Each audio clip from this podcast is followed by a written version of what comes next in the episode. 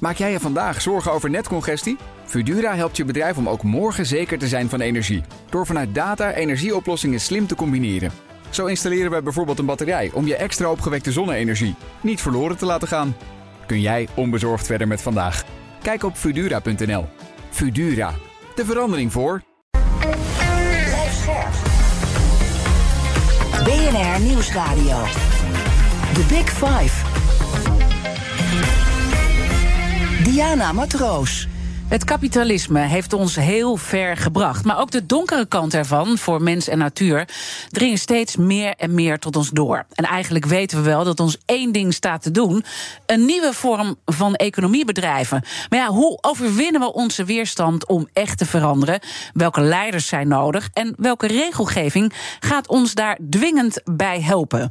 Daarover praat ik deze week in BNR's Big Five van het kapitalisme met vijf kopstukken. En ik ga deze week beginnen met Jeroen Smit financieel journalist en auteur van de boeken De Prooi, het drama Ahold. Maar natuurlijk ook dat bekende boek over Paul Polman, het grote gevecht en het eenzame gelijk was het, geloof ik, hè, Jon? Het eenzame gelijk van Paul Polman, precies. Ja ja, ja, ja. en daar zit heel veel in, ook waar we het uh, vandaag over gaan hebben. Welkom, fijn dat je er weer bent uh, bij de Big Five. Leuk om hier te zijn.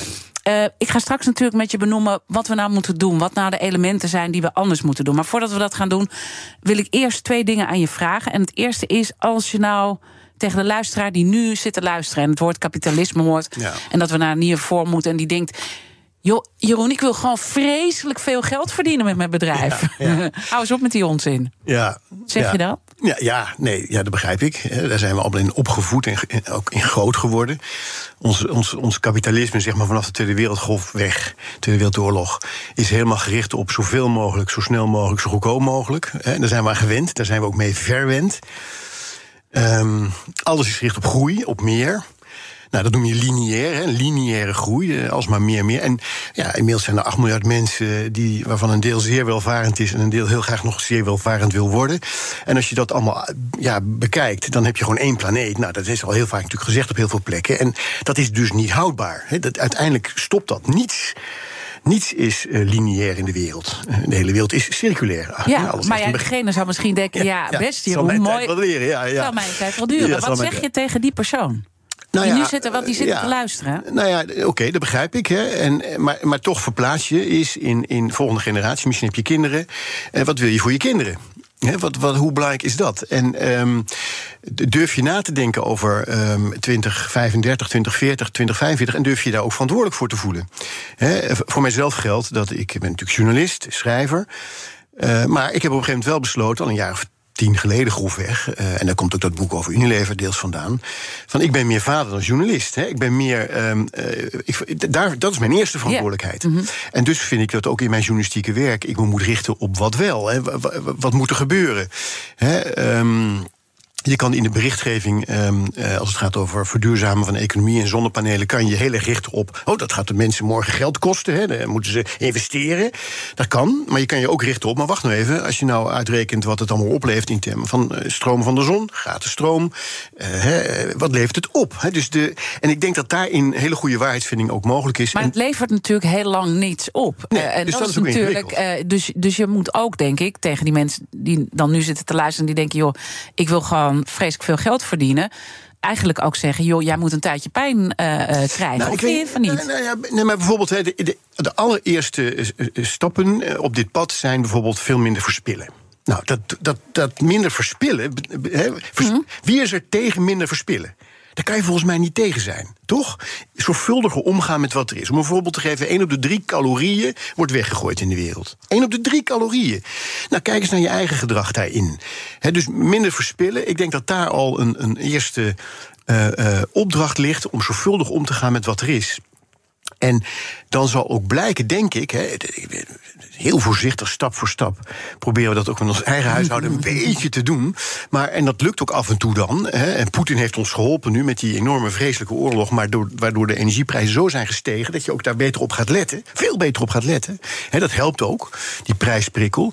Hè, maar ook als het om voeding gaat, niks weggooien. En proberen dat dan aan het eind van de week een klikjesdag te doen. Hè, zo, zoiets. Nou, Ja. en het, het, dat klinkt een beetje knullig allemaal. Hè, dat doet je misschien aan je oma Ja. Maar het leuke ervan is wel dat als dat lukt, dan is dat leuk. Dan, dan het nemen van verantwoordelijkheid. Merk je dat bij jezelf? Ja, natuurlijk is dat leuk. Ja. Het dat gemak waarmee ook ik in het verleden gewoon, ja, als te veel pasta, hup, over, weg. Weet je wel.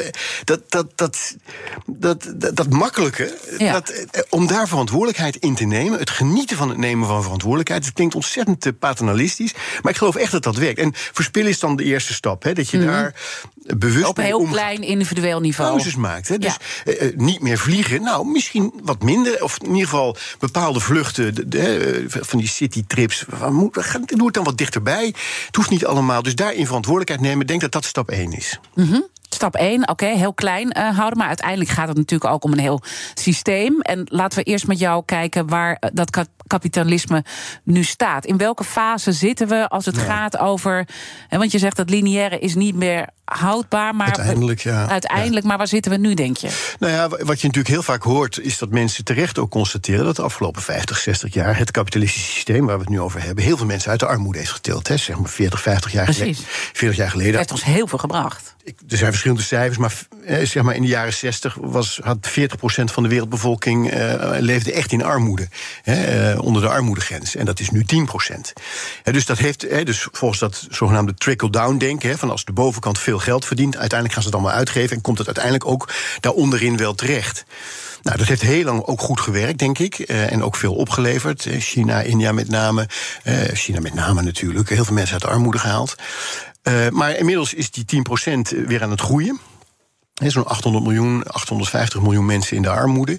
Eh, en zie je dat, dat, ehm, eh, dat het, de, de, de gre- de grenzen van een planeet, van wat, wat de planeet aan kan, eh, nog meer groeien. Dat gaat uiteindelijk gewoon heel veel pijn doen. Ja, en, en dat is iets wat jou eh, zorgen baart, Ja. eh, neem ik aan. Ook die IPCC-rapporten Tuurlijk, die je dan leest. En dan begin ik toch weer even met diegene die zit te luisteren. Ja, joh, we moeten zoveel doen. De business is zo ontzettend lastig. Eh, leuk verhaal, Jeroen. Ik, ga, ik, ik bedoel, ben, ben je kwaad op dat soort mensen? Of snap je ze? Nee, tuurlijk niet. Nee, we zijn allemaal kinderen van onze tijd. Dus, dus, dus dat, je, dat je ergens in, in, in groot bent geworden en in volgens. En ehm, kijk, ehm, in dat. ehm, tot- nu toe geloofden heel veel mensen, en ook in de politiek, zeker ook in Nederland, van een beter milieu begint bij jezelf. Hè, dus, maar de- inmiddels kom ik er wel achter hè, dat dat niet zo is. Nee, want het is leuk dat je zegt dat je dingen allemaal zelf moet doen, klein. Maar dat gaat Het niet worden. ook hartstikke ingewikkeld. Dus je hebt een, een, sy- een systeemverandering nodig. Hè? Dus Mhm. eh, wat mij bijvoorbeeld intrigeert. Het was een paar weken geleden in het nieuws. eh, Misschien kan je het nog herinneren. De provincie Noord-Holland kondigde aan dat in bushokjes van de provincie, het waren er geloof ik 500, zijn er 500, geen reclame meer worden gemaakt voor goedkoop Ja. bier en goedkoop vlees. Toen dacht ik eerst van hé. Oh, daar moest ik even aan wennen. Hè? Van, wat moet die overheid zich nou mee? Dat is toch marktwerk? Ja, maar toen even erover nadacht van nee, dat, dit klopt. Dit is nou eigenlijk een hele interessante... en of het houdbaar is, moeten we allemaal nog weer zien, juridisch en zo. Mhm. Maar een hele interessante stap. Want reclame werkt, toch? Reclame werkt. Daarom Ja. worden miljarden uitgegeven aan Ja. reclame. Dus als je in de gemeenschappelijke ruimte, als overheid... je ontfermt over die gemeenschappelijke ruimte... en daar prikkels weghaalt die mensen opjutten... om voor 100 euro of voor 50 euro naar Barcelona te vliegen... om de kiloknallen bij een van de supermarkten te halen... Door ze daar weg te halen, help je mensen om ja, eh, Om zelf ook daar anders over na te denken. Ja, of, ja. Of, of gewoon eigenlijk dat je blik op iets anders wordt eh, gefocust. Het is maar een heel klein voorbeeld, hè, maar daar, ik denk dat, dat daar heel veel ruimte nog is. Ik zal je een ander voorbeeld geven. In Brussel heb je de eco-design-wetgeving. Ken je die? Heb je er wel eens van gehoord? Nou, klinkt natuurlijk allemaal klein, maar het is echt al best al een, een tijdje aan de gang. En eh, een, een bekend voorbeeld daarin is de stofzuiger. Nou, eh, een stofzuiger heeft watt, hè, eh, Ja. 800 watt, 900 watt. Nou, nou, nee. En op een gegeven moment eh, werd duidelijk dat, ik geloof boven de 900 watt, dat een stofzuiger niet beter zuigt. Dus dan, dan is het gewoon wel meer watt, verbruikt je Ja, een hoop energie. Nou, maar hoe werkt het in de marketing? Dat je zegt van, nou, we hebben er nu een. Hè, Van 1200. 1200, 1400, Wauw, nog ik beter, ook. 1800. En dan denk je gemiddeld, dan moet ik. Ja, daar ben ik ook vatbaar voor. Eerlijk is eerlijk. Nou, en op een gegeven moment hebben ze gewoon in Europa besloten. en Dat is toch, ja, daar moet je ook weer even aan wennen. Maar is al vanaf 2017 zijn die dingen verboden. Dan zeggen ze gewoon: moet je luisteren, beste industrie. Stofzuigers boven de 900 watt zijn verboden. Hè? Nou, eigenlijk is iedereen al opgelucht. Hè? De fabrikant hoeft ze niet meer te maken. De consument wordt niet meer lastiggevallen met, eh, met, met boodschappen die niet kloppen. En het is goed voor het klimaat. En die ecodesign-maatregel, om maar een voorbeeld te noemen, heeft inmiddels al eh, een, het stroomverbruik van een jaar Nederland bespaard in 2020, om een idee te geven. Dus dat kan enorm veel impact hebben. Maar dan heb je dus wel uiteindelijk gewoon eh, een regeltje nodig... waardoor we dat uiteindelijk gaan doen. Ja, Want waarbij intrinsiek geholpen wordt. is het dus toch heel erg moeilijk... om zelf actie te ondernemen. Je hebt, je hebt je hebt een, een, een, ja, een overheid ook nodig, maar ook het bedrijfsleven, die, wat dat steunt, hè, wat het ook misschien aanjaagt, waardoor we op een andere manier onze economie gaan inrichten. The Big Five. Diana Matroos. Mijn gast is Jeroen Smit, financieel journalist en auteur. En heeft zich al jarenlang verdiept ook in het leiderschap. En uh, we hebben al wel eens eerder gesproken over dat onderwerp. En dan zeg je altijd: er is een hele generatie. Uh, natuurlijk uh, met de econoom Friedman opgegroeid. Ja. En uh, we leven in uh, spreadsheets. Nou maak jij ook voor Human maak je ook een, uh, een televisieprogramma. Ja. En dat gaat over de weerstand die er eigenlijk zit, ook bij ons allemaal, om te veranderen. Als je dat allemaal aan elkaar plakt, wat, wat houdt ons met name tegen? Nou ja, waar we het net een beetje over hadden. Het programma gaat ook heten voor de Human. wat houdt ons tegen? Precies dit. Ik weet niet, misschien ook in jouw omgeving, in mijn omgeving zijn er heel veel mensen die het erover hebben dat ze veel minder vlees willen gaan ja. He, dat is ja, zo. Ja. En veel minder vliegen. Willen gaan vliegen. Um, en dat herkennen we ook allemaal. En dat is ook iets wat we echt. Wat ik ook geloof dat dat he, vanuit die verantwoordelijkheid. van al die berichtgeving en die zorg, het klimaat kreunt, et cetera. dat dat ook wel uh, dat besef groeit. Maar het lukt niet. Nee, Wat ik, het, als je gewoon naar de, naar de harde feiten ook van het CBS kijkt. Overigens heb ik daar een leuk gesprek voor een podcast Levenspioniers met uh, Peter Hein Vermulligen, ja. of de econoom van het CBS, over gehad. En die kan het dan haar fijn ook uitleggen dat we een heleboel mensen roepen: ja, ik ben vegetariër. Maar dat, dat als je gewoon gaat kijken naar de harde cijfers, we zijn niet dan elke dag vegetariër, weet je wel? Nee. Dus, dus de echte vegetariërs is een hele kleine groep nog. Een hele kleine, de echte vegetariërs. En. Um, dus wat houdt ons dan tegen? Hè? Ja. Wat, wat zou ons helpen om wat we willen ook te kunnen? Daar, daar, komt het dan eigenlijk op neer. En dan uh, denk ik dat het ontzettend belangrijk is dat, um, dat het bedrijfsleven experimenten doet. Op een gegeven moment had je, in, als het over vlees eten gaat, had je in Oostenrijk een, uh, een experiment met een McDonald's.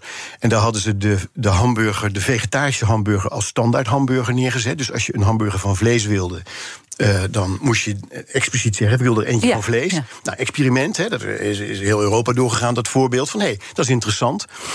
Uh, wat ik ook interessant vind is uh, dat je.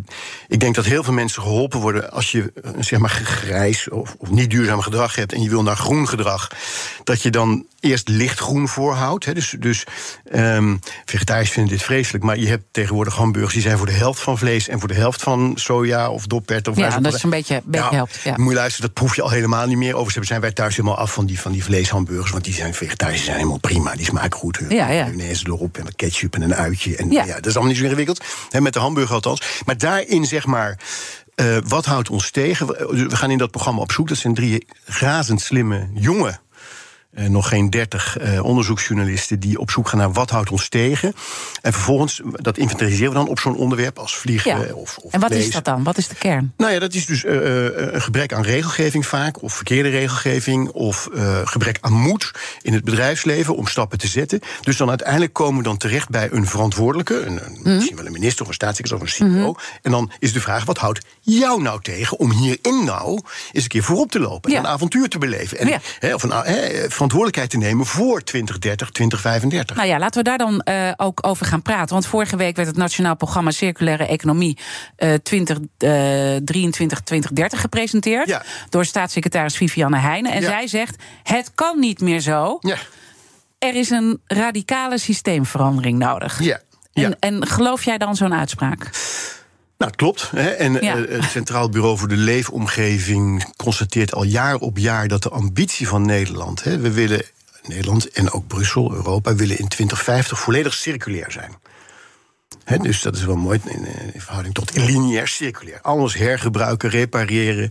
Nou, daar willen we. Want dat in- is even voor de duidelijkheid ook die nieuwe vorm van kapitalisme waar jij vindt dat Ja. het naartoe moet. Ja, hè? Van- van- ja en, dan, en dan, precies. En dan Ja. kan je een heleboel consumptie gewoon op peil houden als je maar gaat hergebruiken. Als alle plastic van gerecycled plastic is, hoef je geen nieuwe olie uit de grond te halen om nieuw plastic te maken.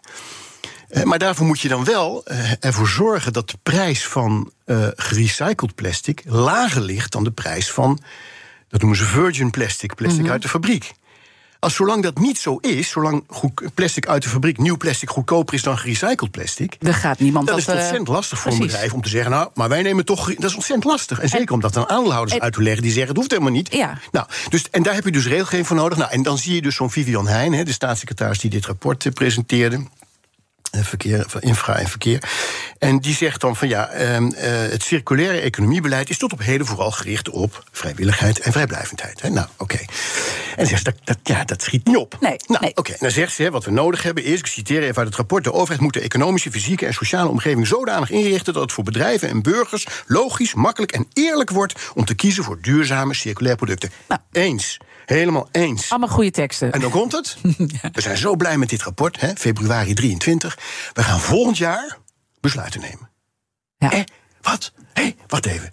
Volgend jaar, dat is 2024. Ja. Eh, eh, met- Terwijl dit eh, plan loopt vanaf 20 En we praten er al eeuwig over, natuurlijk. Nou, en dan zie je, want die besluiten die genomen moeten worden, dat zijn ferme besluiten. Even weer terug naar het voorbeeld van plastic.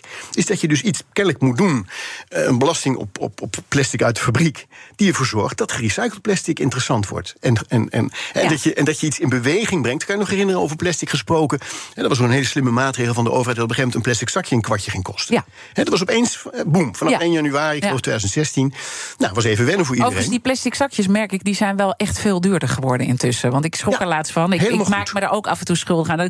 Toch nog even een plastic zakje kopen. Nou. En het moest bijna 70 cent of zo Nou afrekenen. ja, wat? Nou, maar dat is een goede ontwikkeling. Dat is een goede, nee, maar het is interessant, Ja. want de, de- de- eigenlijk, eh, mensen, de- mijn, mijn overbuurman is slager, die had aan het eind van het jaar 2015 weer 50.000 nieuwe plastic zakjes gekocht. Want ieder jaar 50.000 van die zakjes eruit. En die heeft hij nog steeds, zijn ze niet op. Ja. En, dus, maar dat is een goede. Dat, en dan grijpt de overheid dus in. Hè, die dwingt ons allemaal om eventjes die, die schakel om te zetten. En dan gaan we ander gedrag vertonen. Nou, kennelijk. eh, eh, nou, dus dit is een goed rapport. Ik heb het met plezier gelezen. Allemaal alleen maar knikken. Ja, maar jij, jij, wordt, jij wordt gewoon, nou, je wordt niet zo snel gefrustreerd, maar wel dat je denkt, hoe kan het? Dat je dan zegt, er is een ra- radicale verandering nodig. En dat je dus Ja. in 2024 pas gaat beginnen. Ja, hoe kan het nou? gaan we nu, nu door, hè? want 2030 ligt om de hoek. Ja. Dat is hartstikke dichtbij. En weet je, dan is de kern natuurlijk het woordje beprijzen. Hè? Daar zijn alle economen het wel zo'n beetje over eens. Zorg ervoor dat iets een prijs krijgt. Dus de, de, de, de, de, de klimaat, milieubeschadigende Mhm. werking van meer plastic moet je beprijzen. Waardoor je er een belasting op kan leggen, waardoor gerecycled plastic goedkoper wordt. Een mooi voorbeeld in dit verband vind ik Tata Steel.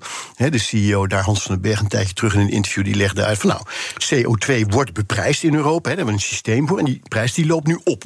Die was vorig jaar tw- 30 euro, nu is die 80 euro. En over een jaar is die misschien wel 150 euro. Dus nou, dan kunnen wij als Tata Steel uitrekenen wanneer we failliet gaan. Ja. Want het is de grootste uitstoter van CO2 Ja, in Nederland. Hè? Eh, 8 Ja. of 9 procent of zoiets. Nou, in ieder geval fors. Nou, dan kun je gewoon uitrekenen. We stoten zoveel uit. En dan staat straks 120, 150, 200 euro. Dus daar hebben ze nu radicaal besloten. Nou, of het dan mag het lukken, is natuurlijk de vraag om naar groene waterstof over te gaan. Hè, binnen 10, 15 jaar. Nou, hartstikke spannend. Maar dan zie je dus dat door dat te beprijzen, door die, hè, dat noemen ze dan Dat er een externaliteiten. verandering in gang komt. Ja, Door, en maar daar heb je toch een overheid voor nodig. En bij voorkeur een Europese overheid. hè, Maar wat, wat, wat, wat- hoe, hoe, hoe duid je dan dat dit eh, gebeurt? Ik bedoel, er is natuurlijk een hele sterke lobby gaande om, om dingen zo lang mogelijk tegen te houden. Maar, maar hoe duid jij het dat je zegt, waarom begint dat dan pas in 2024? Ik denk in dit geval vanuit de overheid toch eh, eh, eh, angst. Angst voor, voor dat je te hard gaat. Dat je. eh, ehm, eh, eh, het zoeken ook naar een soort Europe. Denk ik, maar dat, ik kan niet in het hoofd van deze staatssecretaris kijken. Maar ehm, ehm, er is natuurlijk er is een hoop eh, angst dat als je hier in Nederland eh, bepaalde zaken gaat beprijzen, waardoor je die circulaire, circulaire economie dichterbij brengt, dat je dan uit de pas gaat lopen met de rest van Europa. We hebben dat recent gezien met dat IMVO-voorstel, die wetgeving daar. Die loopt ook wat voor. Ja, op het wat- internationaal maatschappelijk verantwoord ondernemen, Ondernemen. waar je echt Ja. verantwoordelijkheid voor de keten. Want dat is eh, heel belangrijk om die er wel eh, bij te pakken. Dus goed dat je die brug maakt, want dat is uiteindelijk iets wat heel veel impact gaat hebben. Veel- Waar nu heel veel over wordt gediscussieerd nog. ja. En een heel sterke lobby op zit. Maar dat gaat wel echt eh, groundbreaking zijn. Ja, dat is hè, dat eigenlijk in de, je zou kunnen zeggen, kort samengevat, dat het neerkomt op dat je als ondernemer verantwoordelijk wordt voor alle impact op mens en milieu in de hele keten. Dus zowel aan de leverancierskant, maar ook de leverancier van de leverancier, bij wijze van spreken, als aan de afnemerskant. Hè. Scope 1, 2, 3 wordt het dan genoemd. Hè. Scope 1 zit aan de voorkant, scope 2 ben je zelf, en scope 3 is de afnemer. En dat je opgeteld verantwoordelijk wordt voor alle impact op mens en milieu van jouw producten en diensten. Nou, dat is natuurlijk ongelooflijk eh, heftig. Hè? En een bedrijf als Boskaders liep daar enorm tegen te hoop. Hè? Peter Bedowski, een interview overal. En in, in, zei, ja, dan moeten we het hoofdkantoor misschien wel gaan verhuizen. Want wij opereren in, in de Filipijnen. En als je Nederlandse maatstaven op gaat leggen in, de wereld, eh, in die wereld daar... dan leggen we het af tegen de concurrent, want die heeft diezelfde beperkingen niet. Nou, dat, dat, dat, klinkt ook logisch. Ja, dat is ook een reëel probleem. Hè? Want het is natuurlijk ook weer even terug van waarom gaat het zo langzaam? Ik bedoel, je, eh, het kapitalisme heeft ons ook heel veel gebracht. En dat ga je natuurlijk ook niet zomaar overboord gooien met alle risico's. Hè, dat wij het braafste jongetje of meisje van de klas zijn. Dus, dus het streven naar Europese regelgeving, dat begrijp ik heel goed. Hè? Dat je dat in ieder geval binnen Europa wil afspreken. Maar mhm. eigenlijk zegt Boskalis, we moeten wereldafspraken maken. Nou, daar kan je lang op wachten. En voordat China en Amerika, met name China, daar. daar maar goed, dat, dat is. Kijk, maar even om toch daar iets tegenover te stellen. In diezelfde week was er een bericht van een ander familiebedrijf. Hè, want Boskalis is inmiddels eigendom van, is van de beurs gehaald en eigendom van, van, eh, van Hal. Van de familie daar, van de vorm. En um, een ander familiebedrijf is Zeeman. Nou, kennen we ook allemaal. Ja. Ehm, van de textiel. En die ehm, ehm, eh, in diezelfde week zeiden ze: Nou, kom maar op met die wetgeving. Wij zijn er eigenlijk voor. Ook zelfs, want, en dan gaan we als voorbeeld wat ik me nu herinner, is dat ze toen zeiden: van wij, wij, wij laten onze rompertjes en wat ze allemaal laten maken in India, eh, kleding, textiel. Ja. En we komen erachter dat we daar het minimumloon betalen, uiteraard, in India. Maar dat dat minimumloon onvoldoende is voor die mensen daar om een gezin te onderhouden. Nou, dat vinden we onverantwoord. Dus wij gaan dat aanvullen tot een, een leefbaar inkomen. Ja. En dat is een totaal andere mindset natuurlijk. Ja, maar razend interessant vind ik dit. Hè. Dus dit is natuurlijk heel moedig. Eh, ja. Kennelijk, uh, Zullen we dan daarover, want we beginnen nu tot een kern te komen... die twee ten opzichte van elkaar. Die staan symbool eigenlijk voor heel veel bedrijven die daar misschien uh, tegenover elkaar eh, staan als het gaat om de manier van denken. En wat daaronder zit en wat we daaruit kunnen halen, wil ik het straks uh, graag met je over hebben. Overigens, morgen dan praat ik met uh, Gerben Evert, voorzitter van de Vereniging van Effectenbezitters. Ook heel interessant ja. wat zij erover te zeggen hebben. Abonneer je vast op onze podcast via je favoriete podcastkanaal. Dan weet je zeker dat je niks mist. Maar zometeen praat ik verder met Jeroen Smit, financieel journalist en auteur, over de grenzen van het kapitalisme en hoe uh, verschillende leiders daar anders mee omgaan. Blijf luisteren. Maak jij je vandaag zorgen over netcongestie? Fudura helpt je bedrijf om ook morgen zeker te zijn van energie. Door vanuit data energieoplossingen slim te combineren. Zo installeren we bijvoorbeeld een batterij om je extra opgewekte zonne-energie niet verloren te laten gaan. Kun jij onbezorgd verder met vandaag? Kijk op Fudura.nl. Fudura, de verandering voor. 50.000 bedrijven moeten rapporteren over duurzaamheid. Een nachtmerrie zonder software. En de beste CSRD-software komt uit Nederland. Wij maken nu startklaar in drie maanden. Demo en offerte op www.mastersustainability.today.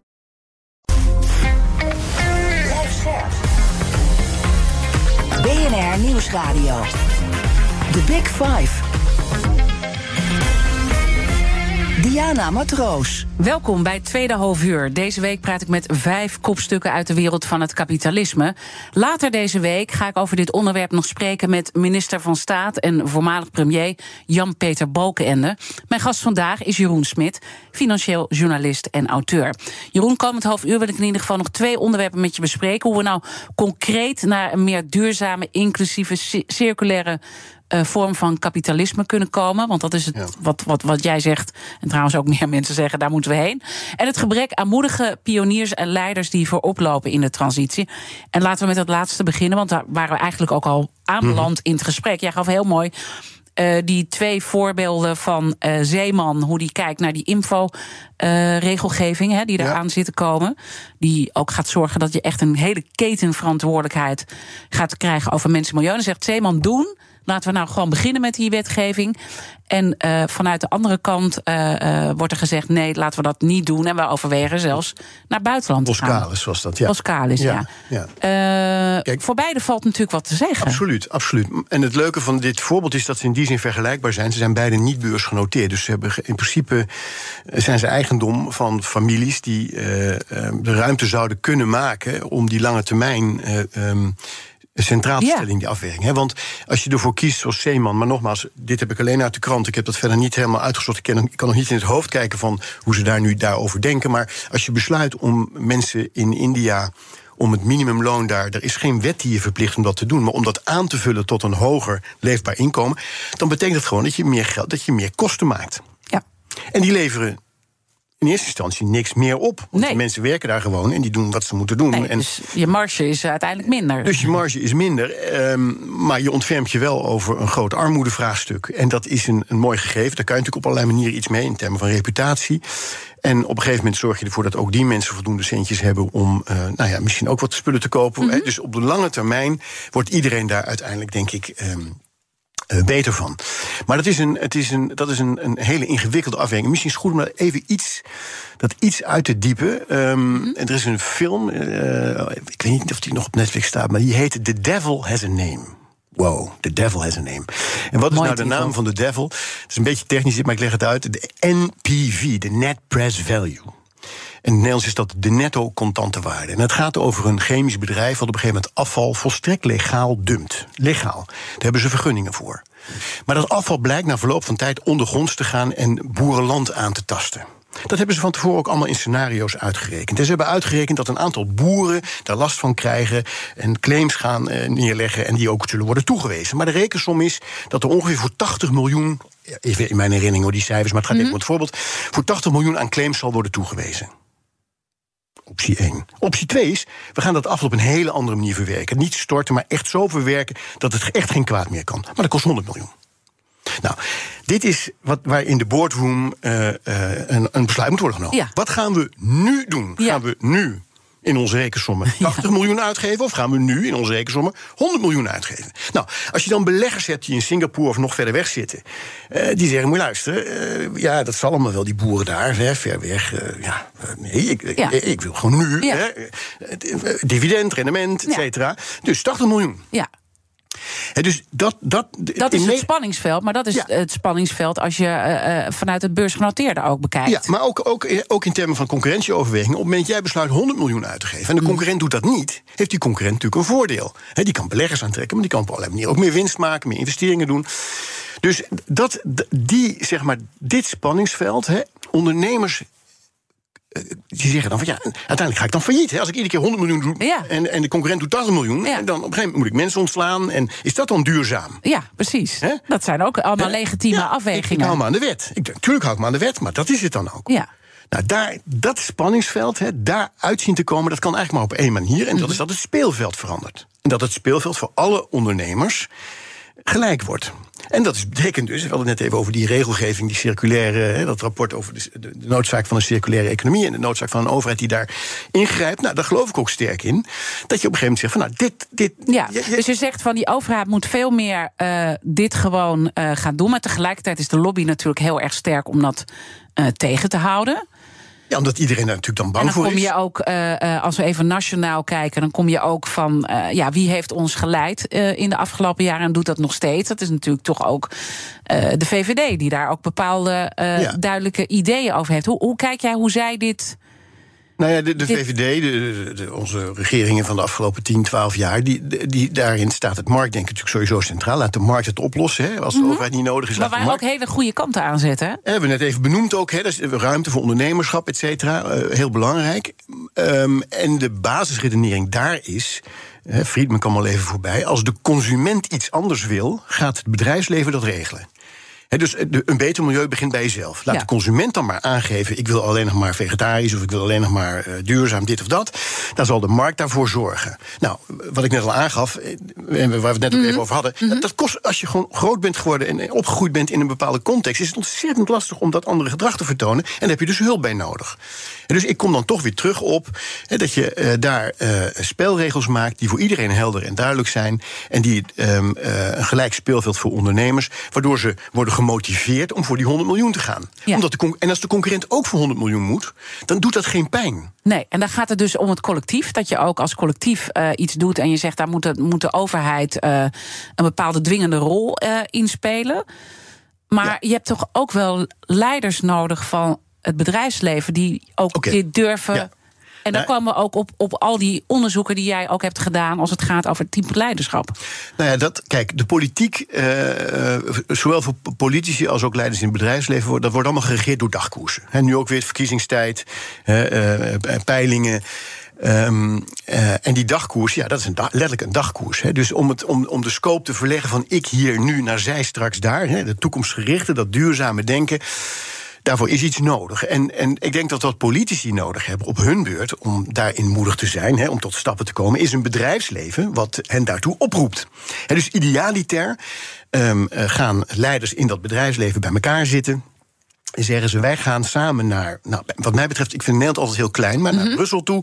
En dan zeggen we, Brussel, eh, ik geloof dat we vorige keer ook wel even kort hebben gehad over het belang van circulaire matrassen bijvoorbeeld. Eh, nou, dat, die techniek is er nu, dat kan nu. Brussel, wij zijn van de matrasindustrie. Als jullie nou aankondigen dat in 2030 alle niet-circulaire matrassen, hè, dan, eh, bijna alles is niet circulair, we verbranden in Europa 30 miljoen matrassen per jaar.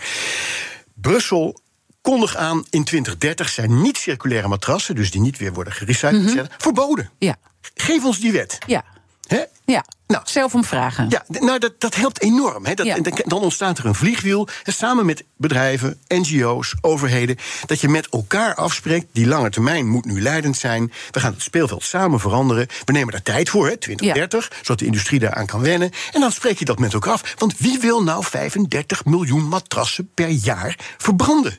Dat gebeurt nu in Europa. Mhm. Ja. Omdat we allemaal eens in de tien jaar een nieuwe matras willen. Hup, bij het afval, weg. Waarom niet gewoon Ja. circulair? Gewoon ophalen, recyclen en daar iets. Dus, maar daar heb je dus wel even zo'n beweging voor nodig. En dan moet je dus bij elkaar gaan zitten. En dan moet je vanuit dat collectief denken. En laten we op dat collectief eh, wat verder inzoomen. En ik denk dat het ook heel interessant is om daar de kettingvraag eh, bij te pakken. Want Ja. eh, vorige week maakte ik de week over draagvlak voor de oorlog. En had ik admiraal Rob Bauer te gast. Voorzitter van het Militair Comité van de NAVO. Oftewel de hoogste militair van de. NAVO. En hij had eh, deze vraag voor jou. Wat ik interessant vind is eh, dat in een democratie staat het individu eigenlijk altijd centraal. Dat is het heilige element in de democratie.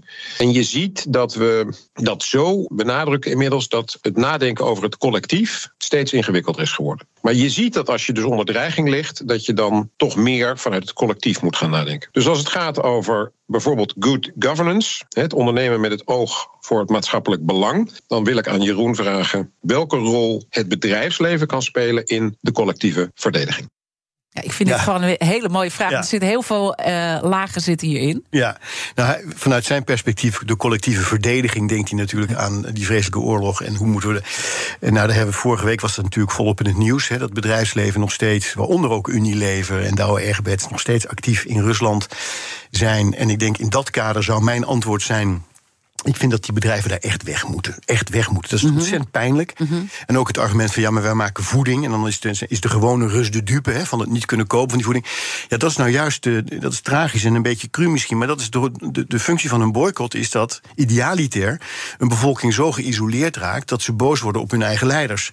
Hè, idealiter sturen de Russen zelf Poetin, eh, halen ze mezelf onderuit. Idealiter. Hè, dus zolang, dus- en dat is niet fijn, maar dat is wel. eh, dus ik vind dat- dat is één deel van het antwoord. Het andere is, hij zei.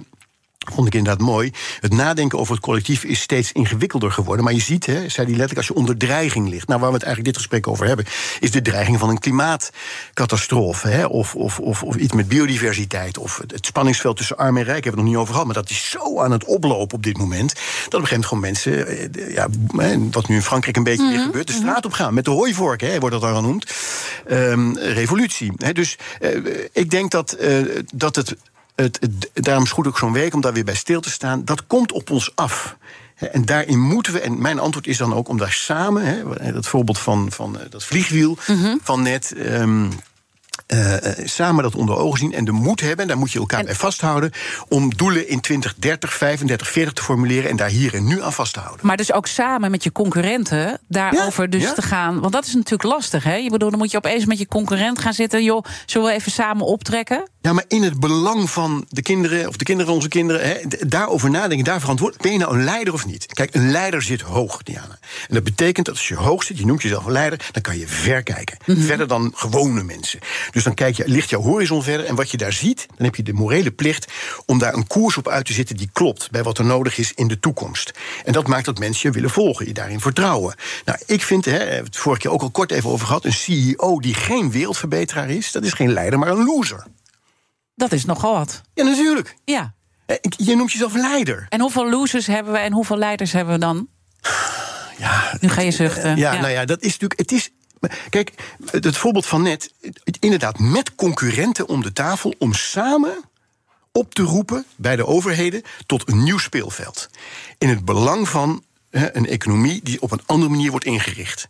Want dan gaat de concurrentie over andere dingen hè, dan zo goedkoop mogelijk plastic inkopen en daar spullen.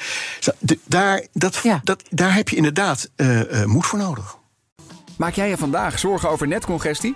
Fudura helpt je bedrijf om ook morgen zeker te zijn van energie. Door vanuit data energieoplossingen slim te combineren. Zo installeren we bijvoorbeeld een batterij om je extra opgewekte zonne-energie niet verloren te laten gaan. Kun jij onbezorgd verder met vandaag? Kijk op Fudura.nl. Fudura, de verandering voor. 50.000 bedrijven moeten rapporteren over duurzaamheid. Een nachtmerrie zonder software. En de beste CSRD-software komt uit Nederland. Wij maken nu startklaar in drie maanden. Demo en offerte op www.mastersustainability.today. BNR Nieuwsradio. The Big Five. Diana Matroos. Je luistert naar BNR's Big Five van het kapitalisme. Later deze week praat ik nog met Dirk Bezemer, hoogleraar economie aan de Rijksuniversiteit Groningen. Mijn gast vandaag is Jeroen Smit, financieel journalist en auteur. Je hebt net eh, eh, de vraag, de kettingvraag beantwoord, maar eh, die vraag gaat gewoon door. Morgen dan spreek ik met Gerben Everts, voorzitter van de Vereniging van Effectenbezitters. En ook zij hebben natuurlijk een belangrijke rol als het over het kapitalisme gaat. Ja. Wat, wat zou je aan hem willen vragen? Ja, Eh, vraag aan Gerben. Ehm, en ik citeer hem eerst even vanuit een interview in Management Scope vorig jaar. Dan zegt hij: In de top van het Nederlandse bedrijfsleven hoor je een hoop marketingtaal. Er zijn altijd duizend redenen om iets niet te doen, vooral als het gaat om ESG, duurzaamheid, et cetera. Bestuurders moeten het transitiepad naar 2030, 2040 en 2050 uitdenken in verschillende scenario's, is zijn oproep. Mijn mening is, mijn stelling is, dat durven ze niet omdat ze vrezen dat hun aandeelhouders veel meer bezig zijn met het rendement nu dan met het rendement straks. Wat kan hij nou doen als voorman van de Vereniging van Effectenbezitters om die bestuurders echt op dat pad van 2040 te krijgen? Hele mooie vraag, dan ga ik hem zeker vragen. Vind jij dat hij dat goed doet? Nou, het feit dat hij dit zegt in zo'n interview vind ik al opwekkend. Hè, fijn eh, dat hij daarbij bij stilstaat. Ehm, maar de praktijk is dat, eh, zeker dat beursgenoteerde bedrijfsleven... er is weinig geduldig geld. Dus beleggers zijn toch wel heel erg bezig met op de korte termijn rendementen. En dat zijn spreadsheets en dat zijn algoritmes. En dat is allemaal op afstand. En ja, dan eh, wordt er een peergroep samengesteld. Wie doet het daar het beste? En dat is allemaal van kwartaal naar kwartaal. En daar zit dit denken van, nou, eh, de, ik vind het beste plan vind ik van een bedrijf over 2035, over CO2 of over klimaat. Of, dat zit er nog helemaal Ja. niet in. Dus Nee. hoe gaat hij het gesprek aan op de aandeelhoudersvergaderingen met die bestuurders? Niet alleen over die financiële resultaten, maar juist ook over waar sta je dan in 2035 en hebben al jouw werknemers in India dan een leefbaar inkomen? Ja, gewoon keihard de vraag Ja, eh, en als je dat belooft, hè, als je zegt Ja. ik vind het belangrijk dat mensen een leefbaar inkomen hebben, daar kan ik niet tegen zijn, denk ik dan. Als jij zegt van mijn leveranciers hebben dan allemaal een leefbaar inkomen, prima. Mhm. 2035. Wat ga je dan morgen doen? En dan wil ik graag een heel pad zien. Hè, van 2024 staan we hier, 25, 26, 27. Gaan we ieder jaar gaan we daar dan Ja. even bij stilstaan. Hè, Ja, hè? eh, en jij zegt ook zoek het ongemak dus op. Zoek het ongemak Ja. op, maak het concreet. En, en Ja. laten wij dit slotstuk ook gebruiken om het eh, concreet te maken. Wat zijn nou concrete dingen als jij nou gewoon denkt... wauw, dit is een leider... Want eigenlijk zeg je, er zijn heel veel losers. Nou ja, ik vind als je jezelf een leider noemt en je je niet ontfermt over de wereld van morgen. Hè, eh, Ja, want jij eh, vond Paul Polman was zo'n leider. ja, Daar heb Paul- je ook dat boek over heb een boek gemaakt. geschreven, maar we weten dat hij het ook heel moeilijk heeft gehad in dat hele... dat eenzame gelijk zit hem juist in dit gegeven. Hè, dat hij tegen het grote geld aanloopt wat haast heeft. Hè, wat morgen rendement Ja. wil. En dan kan je een mooi verhaal hebben over overmorgen. Hè, in dit voorbeeld dan 2030 of 2035. en Danone weten we de topman die is gesneuveld. Ook met, met al mooie gedachtes. Ja, dus het is dus dat de, de, de noodzaak van geduldig geld. Nou, wat je daar ook weer ziet, hè, er is een ontwikkeling gaande in Europa gelukkig ook weer. Dat heet de taxonomie. En in die taxonomie eh, worden spelregels bepaald. eh, wat is duurzaam en wat is niet duurzaam. Hè. Dus dan wordt tegen beleggers ook gezegd van als je hierin investeert, noemen we dat niet duurzaam, grijs. En als je daarin belegt, nou, en alle, iedereen wil natuurlijk graag het goede doen. Overigens.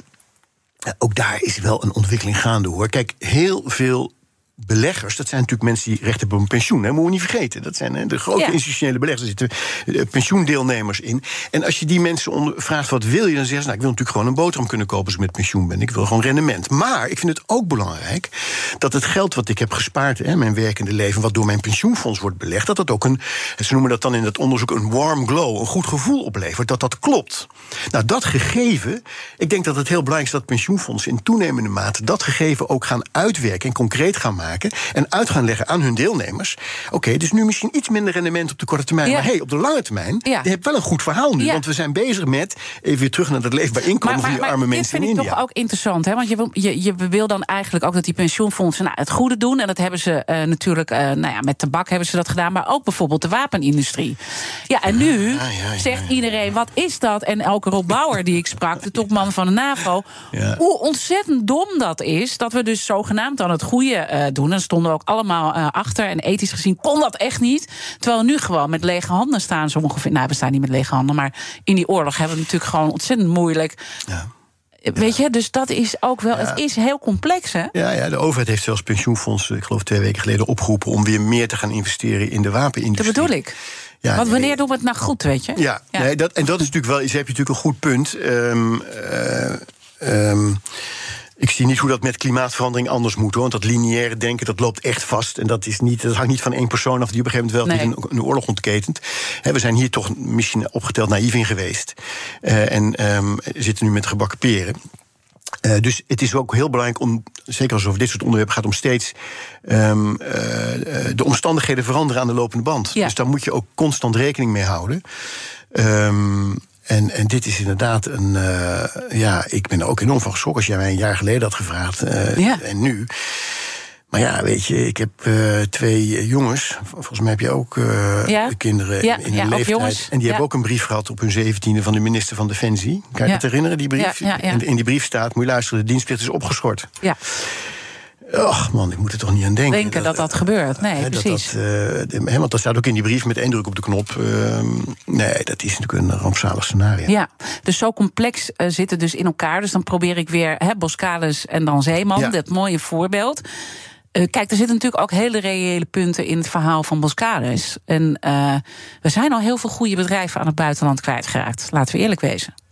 Ja, ja, om allemaal verschillende redenen. Nee, maar eh, goed, dat is ja, dan ook van, weet je, wij, wij, wij zijn dan, wij willen allerlei dingen in Nederland als klein landje. Ja, En tegelijkertijd ehm, zit ik dan weer naar een gesprek eh, te luisteren wat we eerder hebben gedaan. Ik sprak toen met Faiza Oulase van Greenpeace. Die zegt de klimaatactivisten gaan steeds radicaler worden. En die gaan ook echt die bedrijven aanpakken. En je krijgt steeds meer eh, klimaatrechtszaken. Dus ja, dat is ook weer gevaar. Dus je moet wel veranderen als bedrijf. Maar hoe je het doet en in welk tempo, Ja. lastig. Nee, maar daarom, in, in het ideale scenario eh, heb je dus. ehm als voorbeeld, eh, zij is van Greenpeace. Greenpeace, precies.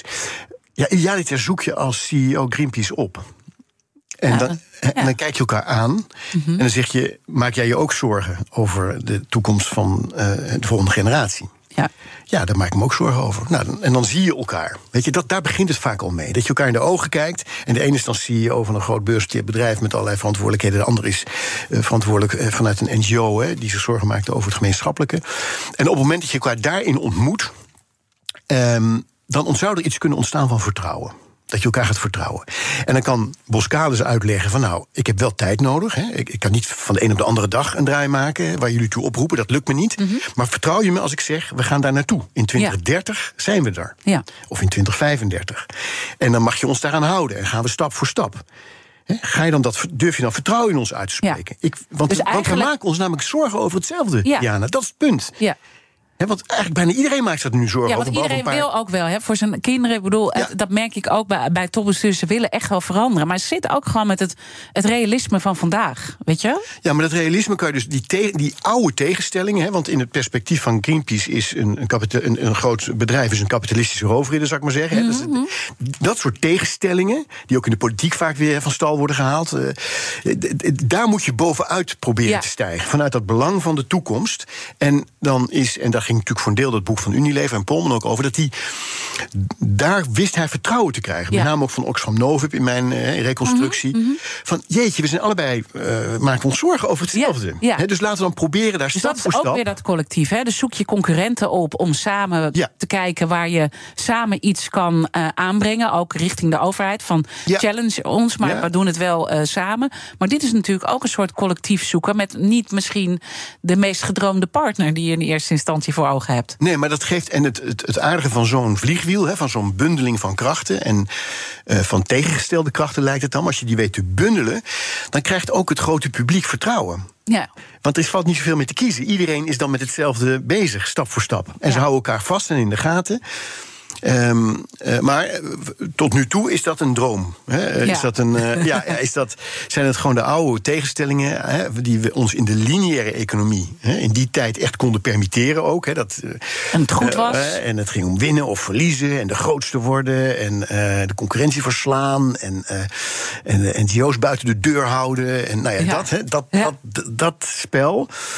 Nou ja, en ik wil nog wel een keer onderstrepen hoor, dat, dat, dat het, het, het- voor Nederland, het kleine open economie, het is wel heel belangrijk dat het in ieder geval op Europese schaal Ja. vorm krijgt. Ja, dat we het echt groots proberen. Maar probeer eh, als leider ook weer de moeder, de vader, hè, in plaats van de leider van een bedrijf. Ja. Ga, ga, ga gewoon naar die rol en probeer dan zo ernaar te kijken. En wat zou je dan eh, doen? Of de opa of de oma. En, en Eh, misschien nog even een voorbeeld. Hè. Dus het heel gaat om heel dat, kort want we lopen een beetje uit. Het gaat om dat beprijzen, dat is belangrijk. Hè? En zolang we aan eh, dode bomen wel waarde toekennen en aan levende bomen niet, gaat het mis. Ja, oké. Zometeen gaat BNR breekt er gewoon over eh, door. Weliswaar met een ander eh, breekijzer. Maar het heeft er allemaal hiermee te maken. Dus blijf zeker luisteren. En luister alles van de Big Five terug in de podcast. Ik wens je een mooie dag. Maak jij je vandaag zorgen over netcongestie? Fudura helpt je bedrijf om ook morgen zeker te zijn van energie. Door vanuit data energieoplossingen slim te combineren. Zo installeren we bijvoorbeeld een batterij om je extra opgewekte zonne-energie niet verloren te laten gaan. Kun jij onbezorgd verder met vandaag? Kijk op Fudura.nl. Fudura, de verandering voor.